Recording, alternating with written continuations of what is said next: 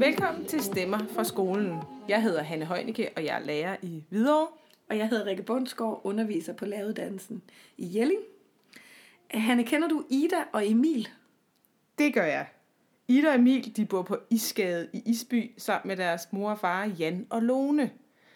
Og øh, de findes altså ikke i virkeligheden. Nå, det gør de ikke. Nej, det gør de. Isby er en fiktiv by. Okay. Men du kan finde den i det læsebogsystem, der hedder Den Første Læsning. Mm. Mm, og jeg har mødt dem helt to gange i den her uge, hvor jeg har læst Den Første Læsning sammen med min første klasse. Og man kan sige, det er ikke et tilfælde. Det er ikke sådan noget, der er særligt for dig, at du kender Ida og Emil. Og for dine elever, vel? Så man kan godt sige, at Ida og Emil, det er, øh, det er øh, noget, et, nogle personer, som rigtig mange børn i Danmark ja. kender til. Ja, Ida og Emil, det er dem, der lærer de danske børn at læse. Mm.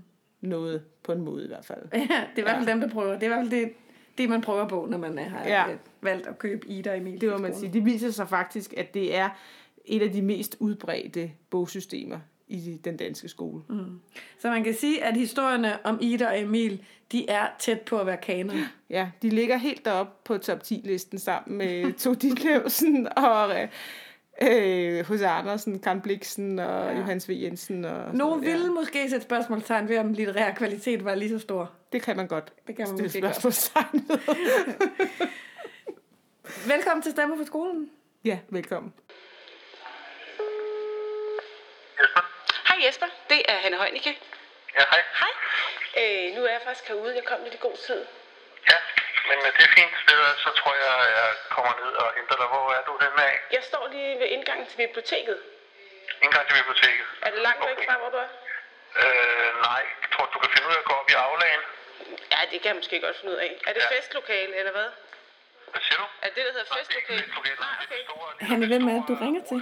Jeg ringer til Jesper Bremholm, der er forsker på DPU. Og jeg var simpelthen faret vildt derude. Og jeg havde lige lavet en aftale om et interview. Han har været med i den her store øh, kvantitative undersøgelse af, hvilke læremidler, der bliver brugt i dansk faget. Ja, det er en spændende undersøgelse, Meget spændende. som jo øh, viser, at øh, der er en del læremidler, der går igen ud i skolen, på den måde, at der er mange lærere, der anvender nogle af de samme læremidler. Øh, og- undersøgelsen viser også, at de læremidler, der bliver anvendt, særligt har fokus på at træne elevernes øh, formelle færdigheder i dansk, grammatik, stavning og sådan noget. Øh, og måske også har fokus på, når man arbejder med litteratur, så er det særligt fokus på analysebegreber frem for fortolkning. Så øh, viser undersøgelsen også, at der ikke i særlig høj grad er læremidler, der, eller bliver indkøbt læremidler, som arbejder med elevernes kritiske opmærksomhed og kommunikation med omverdenen. Mm. Det er lidt spændende. Det er den kvantitative undersøgelse. Mm. Men øh, forskerne har så lavet en del kvalitative undersøgelser, også hvor de har undersøgt forskellige af de her meget brugte læremidler. Ja.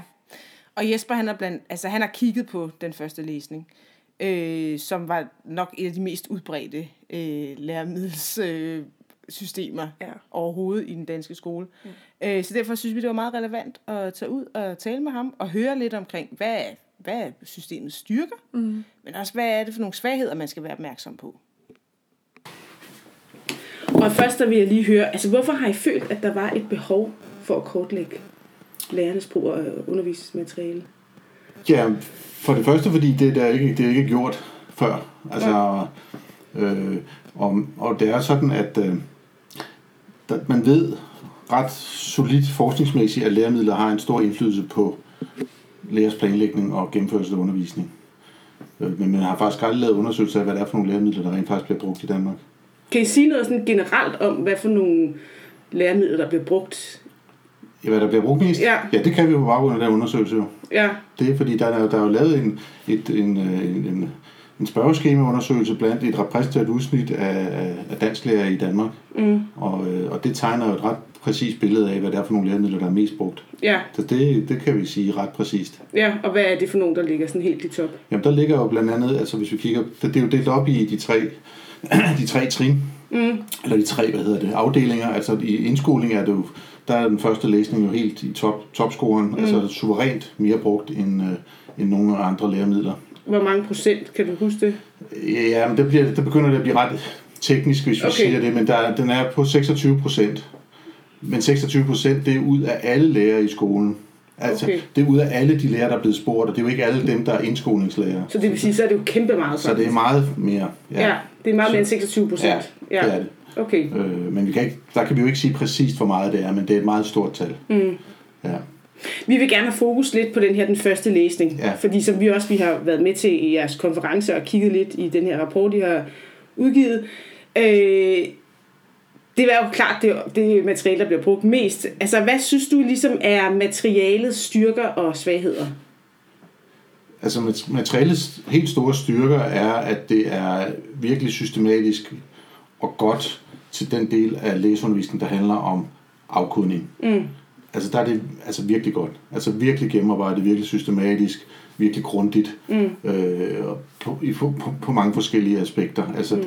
dels, øh, dels de tekster, der er lavet, altså at de bruger der er mange ordgentagelser, de er bygget op i forhold til det alfabetiske princip, sådan at altså, ja, så når de eleverne møder relativt lette ord til at begynde med, så er der en, en tydelig progression. Mm. Og der er mange gentagelser, som jeg sagde. Altså, de møder de samme ord igen og igen på en meget systematisk måde. Mm. Og så er der hele, kan man sige, øh, det man kunne kalde stilisering af, altså, eller den, den direkte undervisning i afkodning, hvor det er meget præcise øh, angivelser, der er i lærervejledningen til, hvordan der skal arbejdes med de forskellige aspekter af, af, af, af, af det alfabetiske øh, skriftsprog. Ikke? Ja.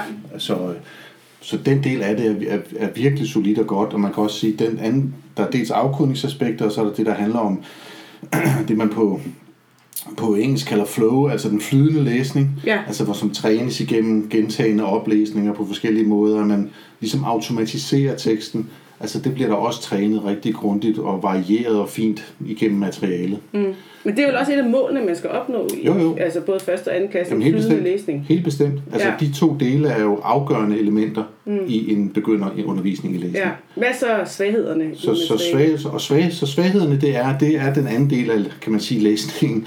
Altså, der, det, det, forskellige, inden for forskning, der bliver der, det, er det beskrevet på forskellige måder. Typisk taler man om forståelse af afkodning, men andre og nyere måder at tale om det på, det er, kan man sige, at læsningen har en teknisk side, og den har en meningsorienteret side. Mm. Og det vi har snakket om lige, det jeg har snakket om hidtil, det har været den tekniske side. Så er der hele den meningsorienterede side, som handler om alt det, der handler om, hvordan får man så øh, øh, mening ud af det, man læser. Altså det kan man sige, det er jo læsningens primære formål.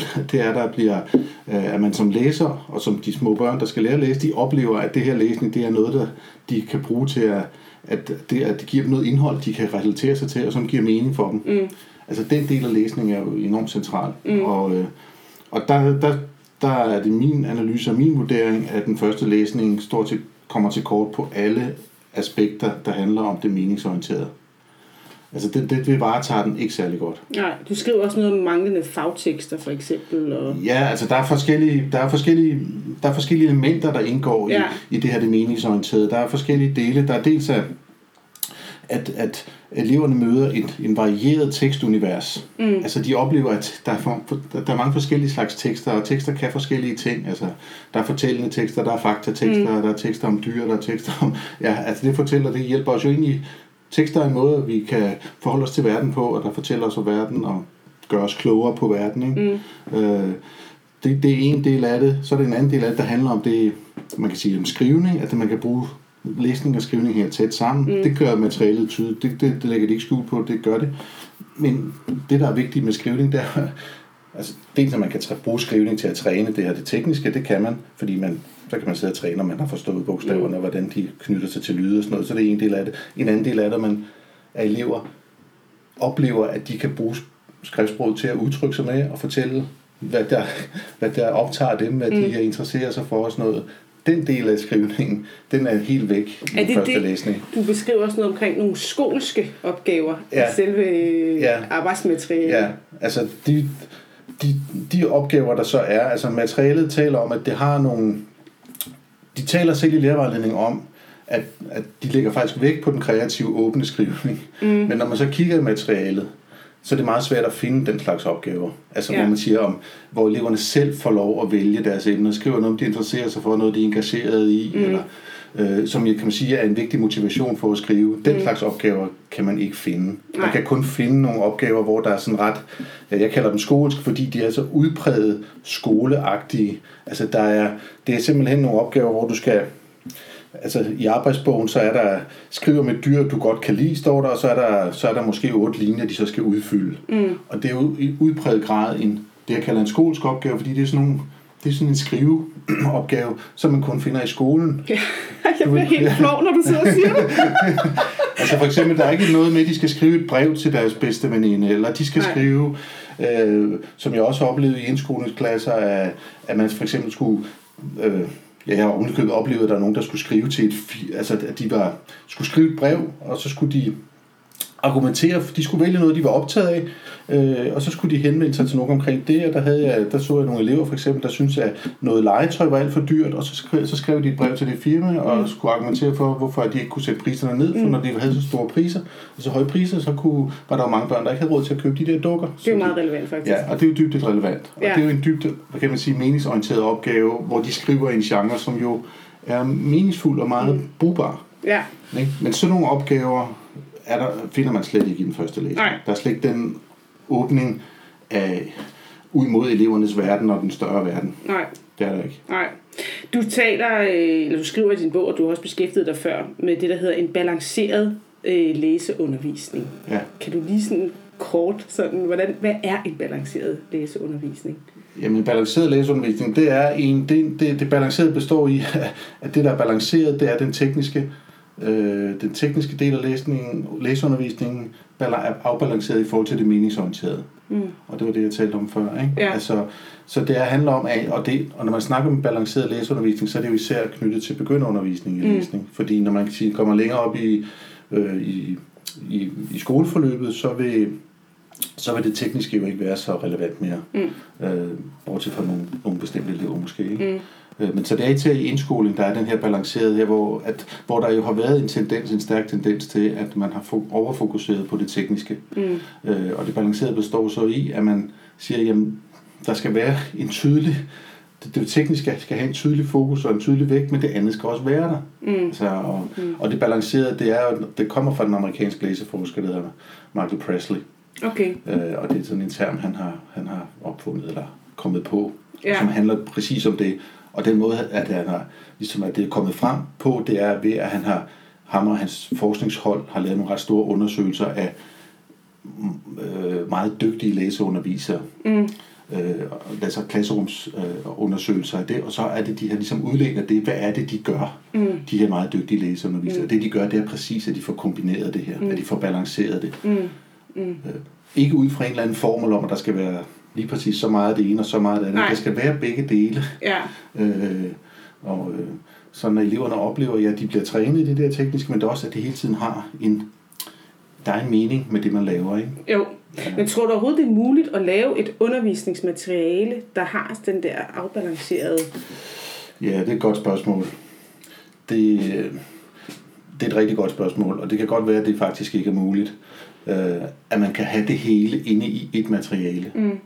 Øh, men, man kan, men i et materiale kan jo, jeg vil sige, et materiale kan godt øh, tydeliggøre over for lærerne, at hvad der, hvad der er i det her materiale, og hvad, og hvad man så synes, eller man lægger op til, at lærerne så også selv kan gøre. Det Ja. kan jo godt pege ud og sige, her vil det være godt, og at eleverne sørger for, at lære- eleverne læser nogle bøger hjemme, de interesserer sig for, eller mm. her kunne man arbejde med sådan nogle sådan, disse, de, her, de her forskellige spændende emner, og mm. øh, husk er jo en vigtig del af læsningen. Supplerende materiale. Supplerende materialer, eller så måske bare gode idéer, eller Ja. bare åbninger mod andre dele af, af, af undervisningen, som der også, som der, eller andre elementer, som undervisningen også skal have med. Ja. Så man ikke prætenderer eller lader som om, at, mat- at det materiale, det ligesom er en garant for det hele. Mm.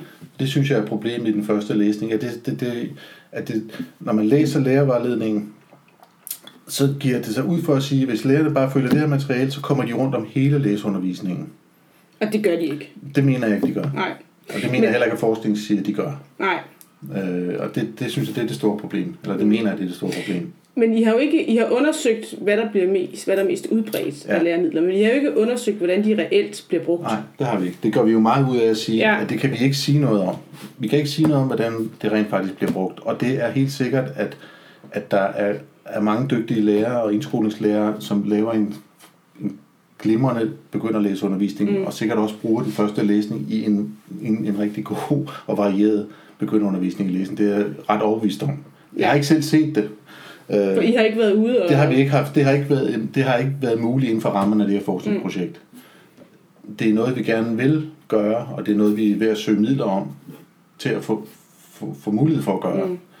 Øh, så det er, jo, det, det er jo et helt oplagt fortsættelse af det her forskningsprojekt, det er at gøre præcis det. At se, hvordan, hvordan bliver de her forskellige læremidler, hvordan bliver de rent faktisk brugt i undervisning, hvordan influerer de på undervisning, og hvad kan man sige, og hvad, hvordan kan forskellige lærere bruge de her læremidler på nogle gode måder, eller måske mindre gode måder. Altså, Ja. der er, Fordi det er jo Ja. ikke sådan, nu har jeg jo min daglige gang i folkeskolen. Ja. Det med at, at udskifte et, øh, et lærebogssystem, det er jo ikke sådan noget, man bare lige gør. nej, det er det ikke. Altså, det er noget, der, det er noget man gør sådan år for år, så køber man lidt flere bøger ind af det her materiale, og lidt flere, og lidt flere, og lidt flere. Ja. Det er sjældent, at man kan, at man kan udskifte sådan helt årgangs, Ja, det er, for eksempel læsebøger, eller Ja, er geografibøger, eller sådan Ja. noget andet. Ikke? Ja. Fordi det er jo en stor udgift. det er en kæmpe udgift. Ja, lige til sidst her, altså I viser jo i jeres undersøgelse, at der er rigtig mange indskolingslærer, der bruger det her Ja. øh, lærer, øh, lærebogsmiddel her, men er det egentlig så udtryk for, at de laver en utilstrækkelig læseundervisning?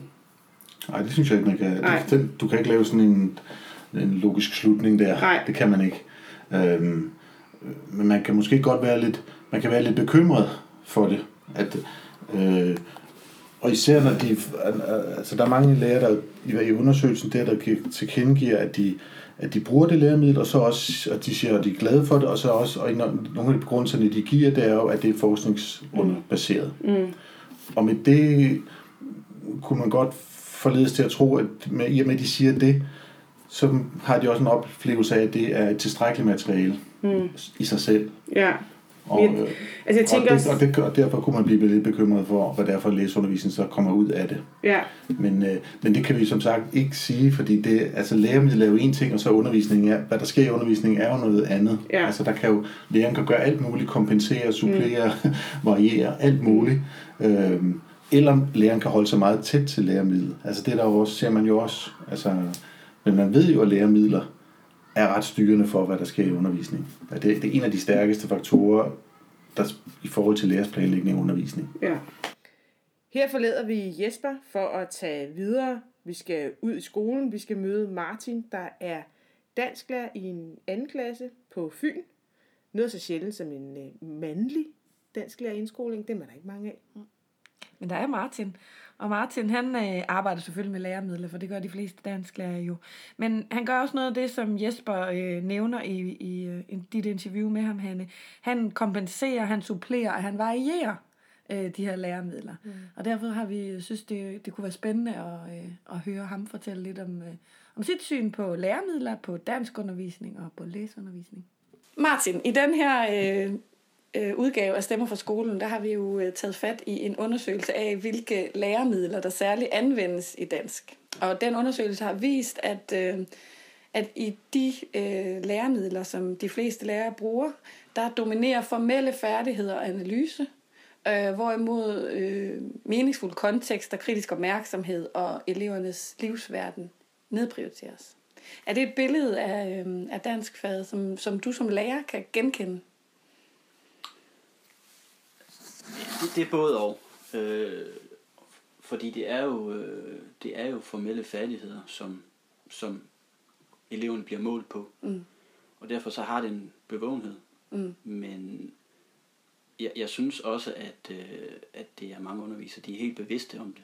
Okay. Og de er helt bevidste om, at der er fordele og ulemper i materialer. Ja, Og er så, derfor er de gode til at stykke det sammen, de skal bruge. okay. Så du har ikke sådan indtryk af, at øh, grammatikundervisning for eksempel fylder forholdsmæssigt meget i dansk undervisning?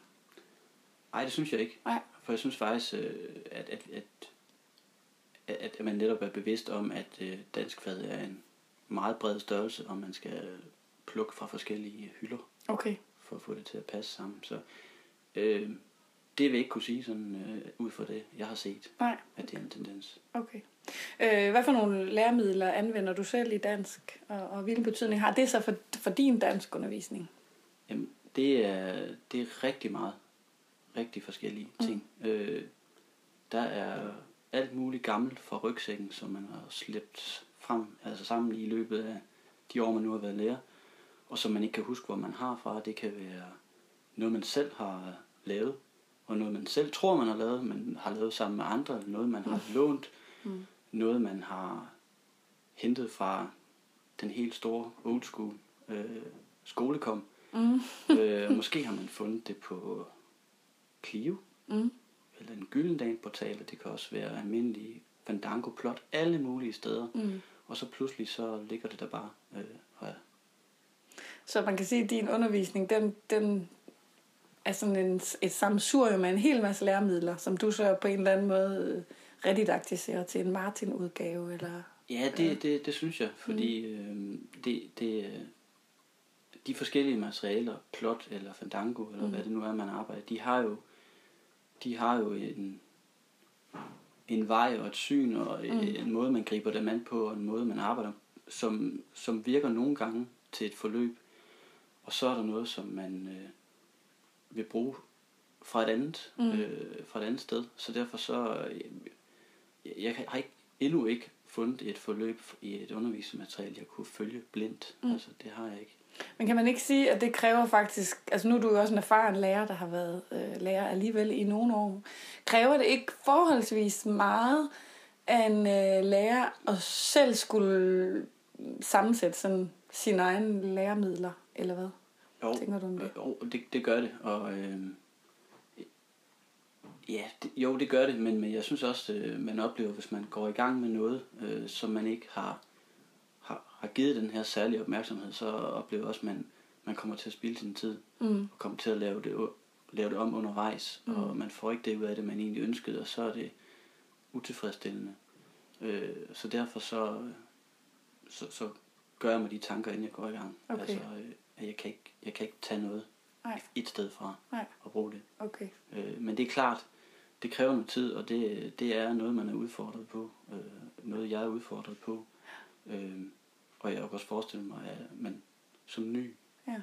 uddannet lærer synes, at det er, det er svært mm. At finde tid. Mm.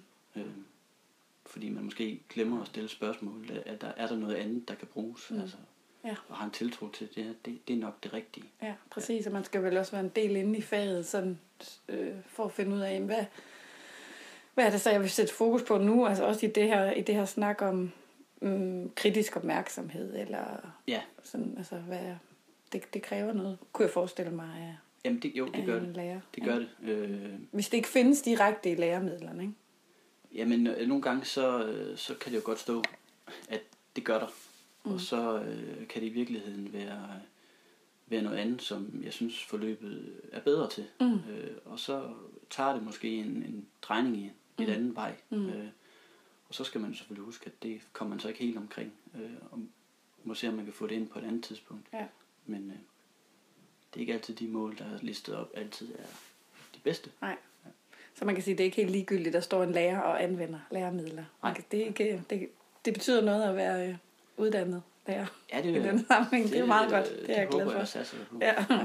Martin, når du øh, så vælger de her øh, læremidler og, og tilretlægger, nu særligt din, i forhold til din læseundervisning, hvilke kriterier vælger du så ud fra? Kan man, kan man sige noget om det? Og, og Øh. måske også, hvad, hvad påvirker dit valg? Jamen, jeg, jeg er ikke altid helt skarp på at sige, at det, nu er det læseundervisning. Altså, jeg er ikke, jeg er ikke så skarp i min opdeling i Mm. dansk, at mm. der er decideret noget, der hedder læseundervisning mm. i min verden. Øhm, jeg, jeg, jeg er bevidst om, at man i de yngre klasser øh, skal give noget særlig opmærksomhed på læsning og Mm.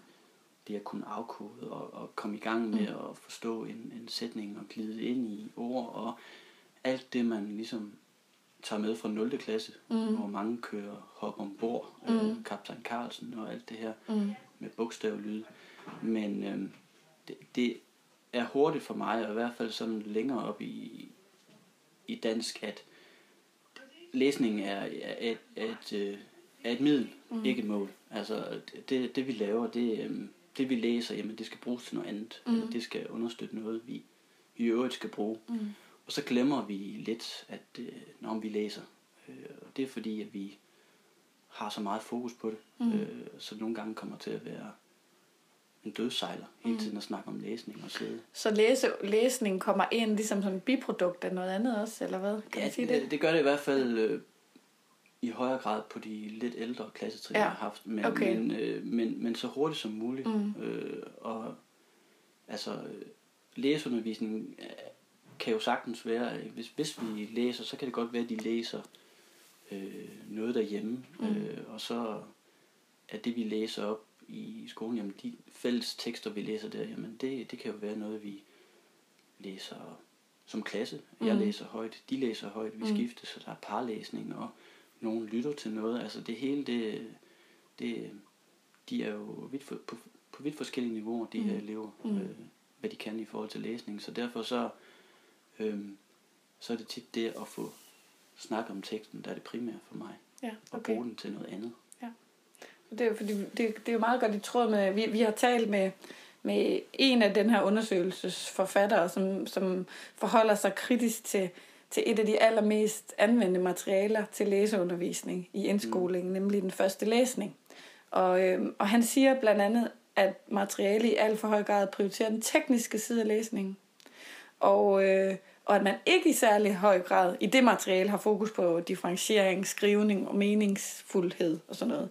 Mm. Og han taler så om en, en mere balanceret læseundervisning. Er det i virkeligheden også det, du, du, du taler om mm, der? Ja, jamen altså det, det fører jo lidt, det, det kan jo godt være, at det er, øh, og det er jo så også gældende mellem, jamen er det det mest indkøbte, eller er det det Mm. mest anvendte? Mm. Øh, for øh, ja, det, det anvendes, øh, men det er jo måden, det bliver anvendt på. Mm, Øh, hvis man bruger det som en fælles læsebog, Mm. og, og løser de opgaver, som nu bogen ligger, eller materialet ligger Mm. op til, jamen så kan det godt øh, skibe til den ene side, ja. men, men det er heller ikke min oplevelse, øh, at det bliver brugt øh, kun som det. Nej, okay. Øhm, nemlig fordi eleverne er på meget forskellige niveauer, mm. og derfor så, så, så kan det godt være, at øh, det bliver den fælles læsebog, som er sendt med hjem, Mm, som man læser i, og, og så øh, er det noget andet, man har fokus på sådan Så du er enig i, hvis nu vi forestiller os, at man bruger et materiale som den første læsning, som den eneste måde at arbejde med læseundervisning på,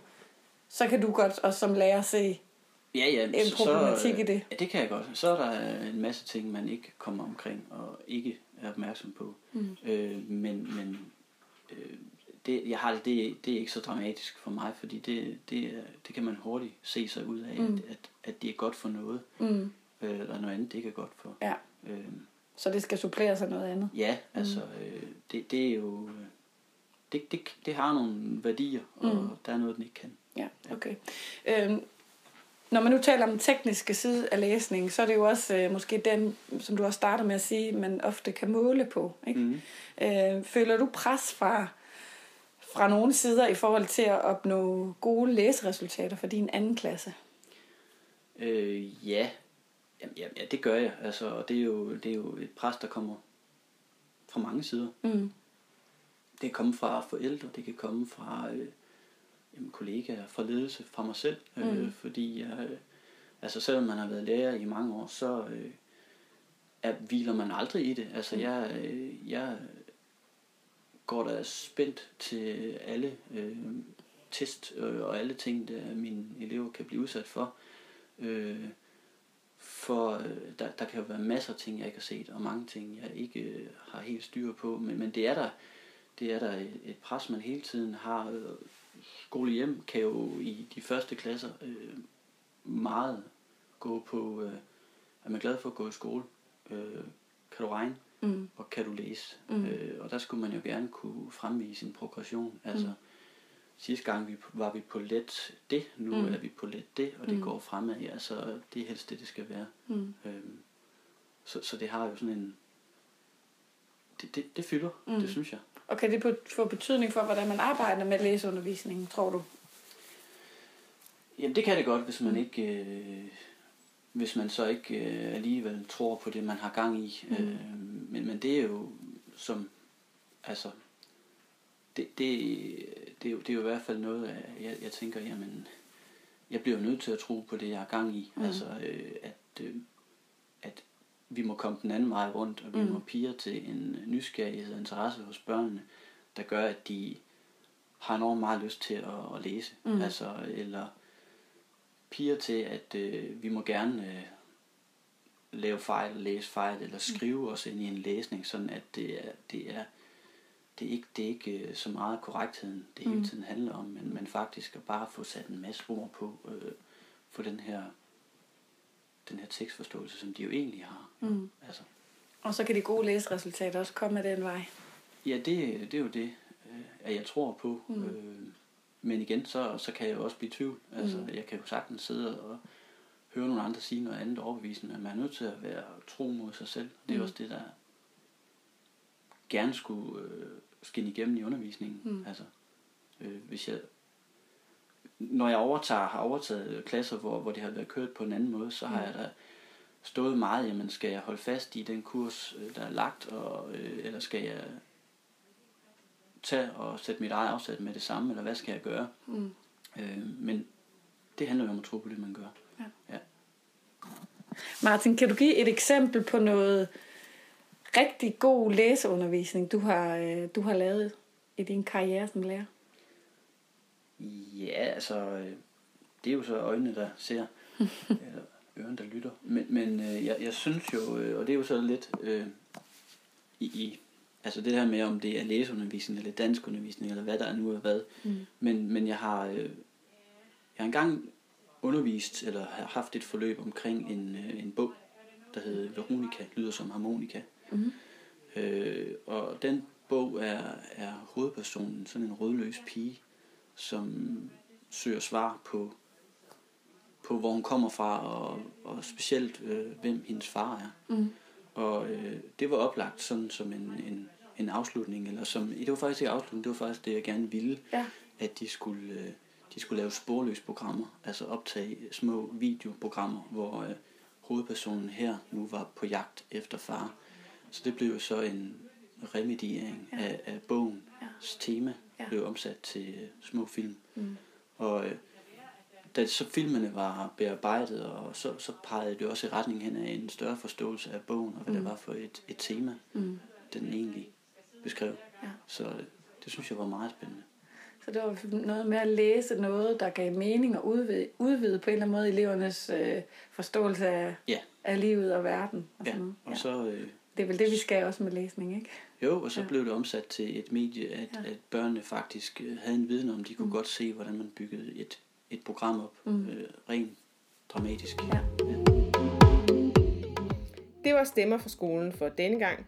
Vi håber, I har fået noget ud af vores udsendelse, også selvom du måske ikke lige er dansklærer i indskolingen. Ja, fordi læremidler, de findes jo overalt i skolen, i alle skolens fag.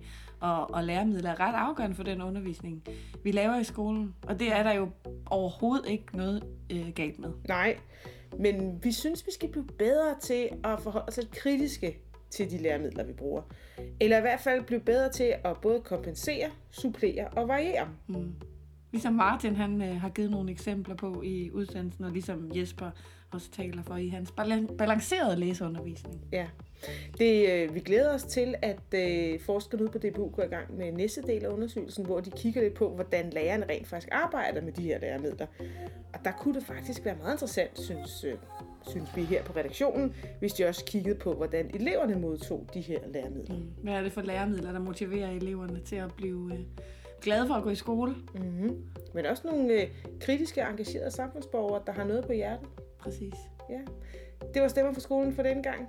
Tak fordi I lyttede med.